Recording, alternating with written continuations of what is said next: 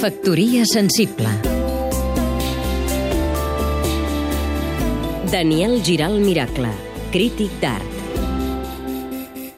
Sovint es vincula Gaudí a les formes exagerades, la pedrera, a les superfícies policromes, la casa Batlló, a les fantasies mitològiques, el drac de la porta de la finca Güell, a la fusió entre l'arquitectura i la natura, el Parc Güell, o a la simbologia religiosa, la Sagrada Família.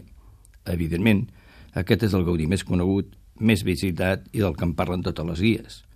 Però hi ha un altre Gaudí, que pensa més en les estructures que en les formes, en la funcionalitat que en la decoració. Un Gaudí que ja es posa de manifest el 1883, ara fa 130 anys, la primera obra que projecta com a arquitecte titulat. Em refereixo a la nau de blanqueig que va dissenyar per als seus amics de la Societat Cooperativa La Obrera Mataronense.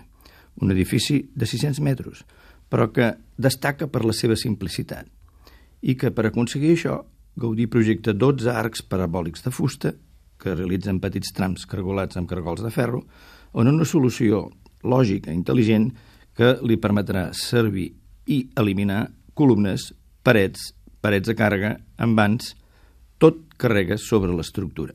I és per mi aquesta l'autèntica essència de Gaudí, el que fon els arcs i les voltes, com ho farà la colònia Güell, a Bellesguard, a la Casa Batlló, a la Pedrera, en una manera de fer que el porta a les últimes conseqüències en la nau interior de la Sagrada Família. Per això, la nau industrial de Mataró s'ha denominat el quilòmetre zero de l'obra de Gaudí. No us la perdeu.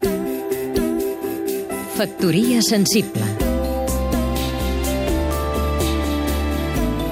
Seguim-nos també a catradio.cat